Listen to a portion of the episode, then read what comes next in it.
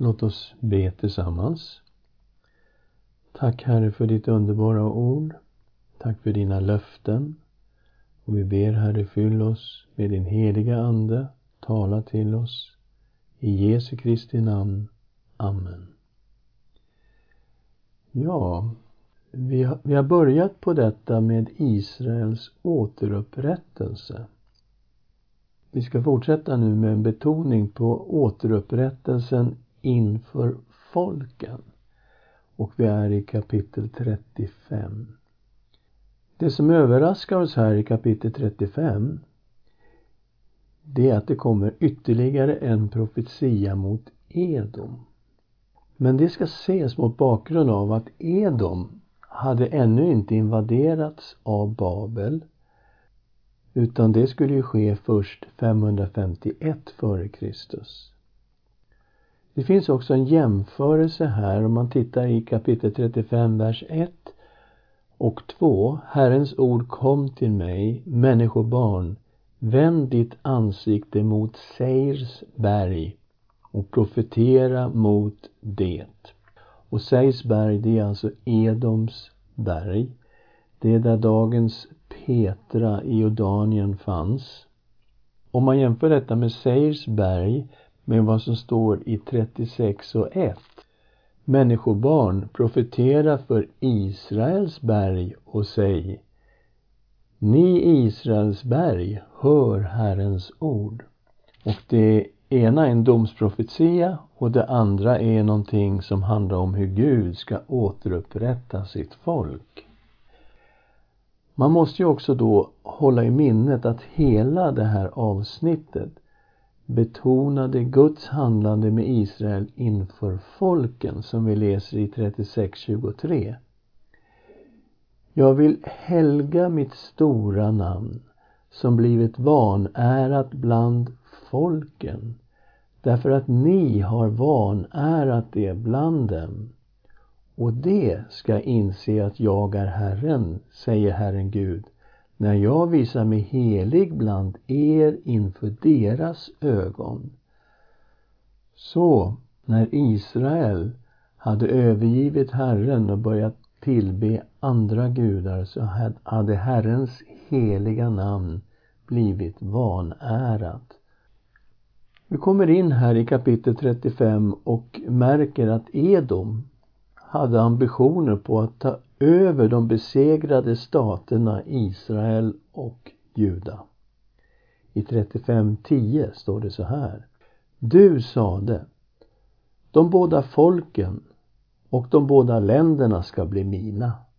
Vi ska ta dem i besittning. Detta fastän Herren bodde där. Edom skulle drabbas av Herrens dom. Edom skulle bli en ödemark för all framtid 35 och 9. Edom invaderades och ödelades av Babels kung Nabonidus 551 f.Kr. Men efter det här så byggdes ju huvudstaden Petra upp och övergavs först på 700-talet efter Kristus. Idag är Petra en vacker ruinstad för turister. Och så kommer vi till kapitel 36, vers 1-38. Israel skulle återupprättas av nåd. Israels folk hade vanärat Israels Gud bland folken. Och de hade själva blivit vanärade på alla sätt. Det norra riket hade fördrivits till Assyrien 722 f.Kr. Och det södra riket fördrevs till Babel 586 f.Kr. Jahve hade blivit vanärad när Israel hade övergett honom och tillbett andra gudar. Detta hade lett till att folket dömdes och att landet ödelades. Men Herren skulle ta tag i situationen och istället var det nu folken som skulle bli förödmjukade. Vi läser i 36, vers 7 och 8. Därför säger Herren Gud så. Jag lyfter min hand och försäkrar. Sannerligen, Folken runt omkring er ska själva bli förödmjukade. Men ni, Israels berg, ska åter grönska och bära frukt åt mitt folk Israel. Och det ska snart komma tillbaka. Och det är klart, det här är ju intressant när man tänker på hur det ser ut i dagens Israel och folken runt omkring. Men Herren gjorde inte det här underbara för Israels skull. För att de hade förtjänat det här. Nej, han gjorde det för sin egen skull. Titta i 36.22. Säg därför till Israels hus, så säger Herren Gud. Det är inte för er skull jag gör det, ni av Israels hus, utan för mitt heliga namn som ni har vanärat bland folken dit ni kommit. Så det var inte för att Israel hade blivit tillräckligt bra på något sätt. Allt som Gud skulle göra med folket skulle ske av bara nåd. Gud skulle rena dem. Han skulle ge dem ett nytt hjärta. Han skulle låta sin egen ande bo i dem och göra så att de skulle lyda och följa honom. Och vi läser det här i 36, 25 till 27. Jag ska stänka rent vatten på er så att ni blir rena. Jag ska rena er från all er orenhet och från alla era avgudar. Jag ska ge er ett nytt hjärta och låta ny ande komma in i er. Jag ska ta bort stenhjärtat ur er kropp och ge er ett hjärta av kött. Jag ska låta min ande komma in i er och göra så att ni vandrar efter mina stadgar och håller mina lagar och följer dem. Samtidigt som det här handlar om att Israels folk en dag skulle få återvända så förstår vi ju att allt detta pekar mot det nya förbundet i Jesus Kristus. I Jeremia 31.33 säger Herren så här. Nej, detta är förbundet som jag efter denna tid ska sluta med Israels hus, säger Herren. Jag ska lägga min lag i deras inre och skriva den i deras hjärtan.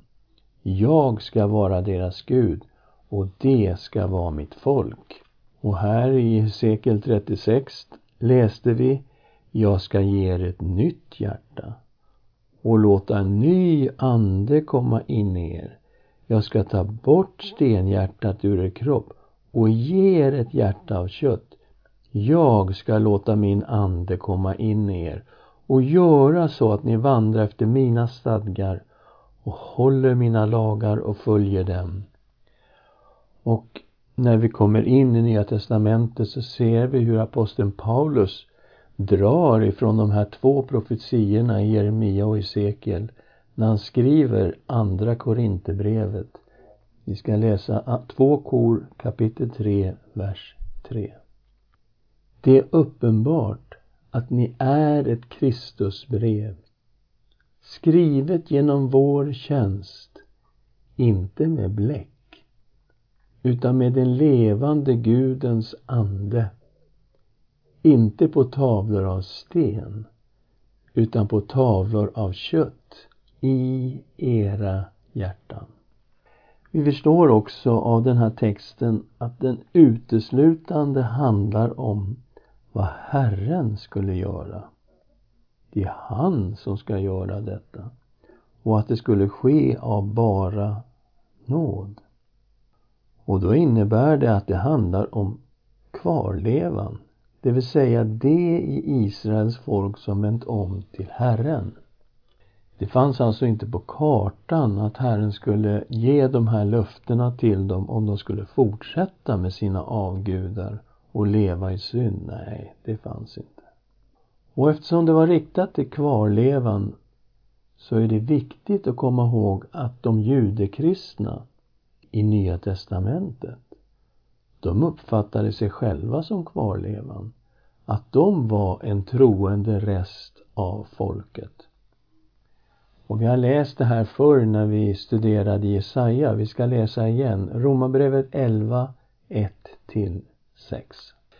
Jag frågar nu. Har då Gud förkastat sitt folk? Verkligen inte. Jag är själv israelit av Abrahams ett och av Benjamins stam.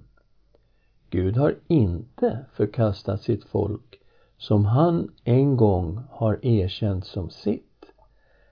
Eller vet ni inte vad skriften säger där den talar om Elia? Hur han vänder sig till Gud och anklagar Israel. Herre, de har dödat dina profeter och rivit ner dina altaren. Jag ensam är kvar och de är ute efter mitt liv. Men vad är Guds svar till honom? Jag har lämnat kvar åt mig 7000 man som inte har böjt knä för Baal. På samma sätt finns också nu i denna tid en rest som Gud har utvalt av nåd. Okej, okay, så Paulus säger att på samma sätt som det fanns en rest på Elias tid, på samma sätt fanns det nu på Paulus tid en rest och det var de judekristna som följde Jesus Kristus och erkände honom som sin Herre och Frälsare. I kapitel 37 av Hesekiel så möter vi ett dött folk som skulle uppstå. Vers 1-14. Hesekiel fördes genom Herrens ande till en dal fyllt av skelett. 37, vers 1. Herrens hand kom över mig och genom Herrens ande fördes jag bort och sattes ner mitt i en dal som var full av ben. Och Hesekiel fick i uppdrag att profetera till benknotorna. Och när han gjorde det så blev det ett rassel och benknotorna fogades samman. Senor, muskler och hud kom på plats men alla var fortfarande livlösa. Då fick Hesekiel i uppdrag att säga till Herrens ande att blåsa på de livlösa kropparna. Och det är ungefär som när Gud skapade Adam i Första Mosebok 2 och 7. Att han andades på Adam och då blev han en levande varelse. Och här skedde också undret. Alla människorna i dalen fick liv. Situationen klarnade snart för Hesekiel. Kapitel 37, vers 11. Han sa till mig, Människobarn, dessa ben är hela Israels hus. Se, de säger, våra ben är förtorkade, vårt hopp är ute, det är slut med oss. Budskapet var, Israel skulle få återuppstå och återvända till sitt land. I kapitel 37, vers 15 28 möter vi ett enat rike under David. Riket skulle inte längre vara delat i Israel och Juda utan de skulle bli ett enat rike. De här löftena gällde således alla som kom från Israels folk. Notera att de var kvarlevan. Det var den troende resten av Israel. 37.23 och det ska inte mer orena sig med sina avgudar och vidrigheter och alla sina brott. Jag ska rädda dem från alla orter där de har syndat och rena dem. Det ska vara mitt folk och jag ska vara deras Gud. Deras kung skulle vara David. Okej, okay, vi sa i förra lektionen att David levde ungefär år 1000 före Kristus. Och nu är vi på 500-talet före Kristus. Så det kan inte vara David som skulle vara deras kung.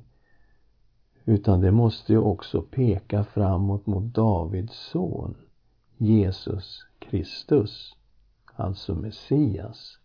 Vi läser kapitel 37, vers 24 till 28. Min tjänare David ska vara kung över dem och de ska alla ha en och samme herde. De ska leva efter mina föreskrifter och hålla mina stadgar och följa dem. De ska bo i det land som jag gav min tjänare Jakob, det land där era fäder bodde. De ska själva bo där, de och deras barn och deras barnbarn till evig tid. Och min tjänare David ska för evigt vara deras förste. Jag ska sluta ett fridsförbund med dem. Det ska vara ett evigt förbund med dem. Jag ska ge dem plats och föröka dem och låta min helgedom stå ibland dem för evigt. Min boning ska vara hos dem och jag ska vara deras Gud och det ska vara mitt folk. Och folken ska inse att jag är Herren som helgar Israel när min helgedom är mitt ibland dem för evigt. Så Herren lovade att välsigna och föröka folket. Hans tempel skulle stå mitt ibland dem för evigt. Ja, det nya templet det invigdes ju 516 f.Kr. men det templet förstördes av romarna år 70 efter Kristus. Ja, hur ska vi tänka på detta? Vi har alltså en evig kung som heter David. Vi har ett evigt förbund och ett evigt tempel. Ja, allt det här pekar väldigt starkt mot Jesus Kristus. Han är den evige kungen i Guds rike. Det nya förbundet har kommit genom honom och det är ett evigt förbund. Men hur gör vi med det eviga templet? Är det också uppfyllt i Jesus Kristus? Ja, vi ska titta på att Jesus Kristus är ett evigt tempel.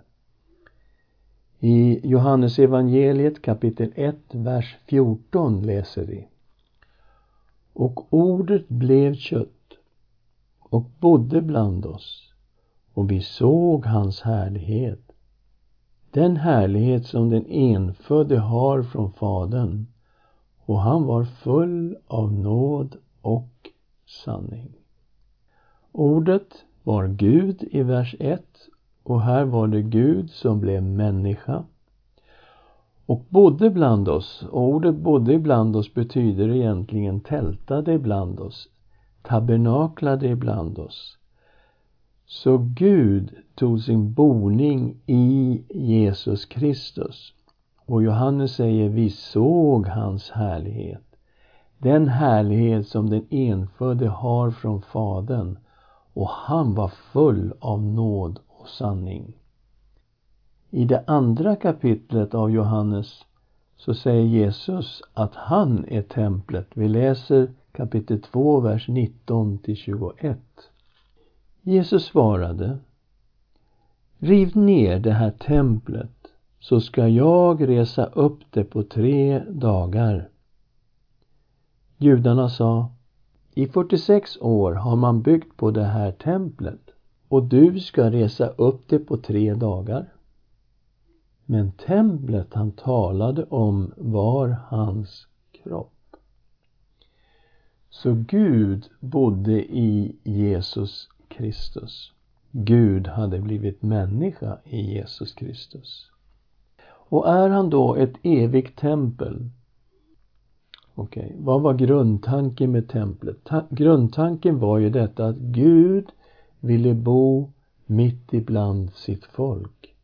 Och här hade Gud kommit i Jesus Kristus och tagit sin boning mitt ibland sitt folk. Men är han ett evigt tempel? Ja, vi ska gå till den himmelska staden i Uppenbarelseboken kapitel 21. Det himmelska Jerusalem. I vers 22 står det Något tempel såg jag inte i staden, för Herren Gud den allsmäktige och Lammet är dess tempel. Okej, okay. Jesus Kristus är Lammet i Uppenbarelseboken och han är ett evigt tempel. Så vi förstår att allt det här som vi möter här i Hesekiel kapitel 37 om David som en evig kung och det här eviga förbundet som Gud skulle göra och ett evigt tempel som skulle vara mitt ibland dem. Det pekar faktiskt mot Jesus Kristus. Låt oss be tillsammans. Tack Herre för ditt ord. Tack för alla dessa löften som finns i det gamla förbundet. Och vi påminner oss om att alla dina löften, så många de är, har fått sitt ja och amen i dig, Jesus Kristus. Och vi ser också att de här fantastiska löftena, de pekar rakt emot dig, Jesus Kristus, vår Herre. I Jesu namn. Amen.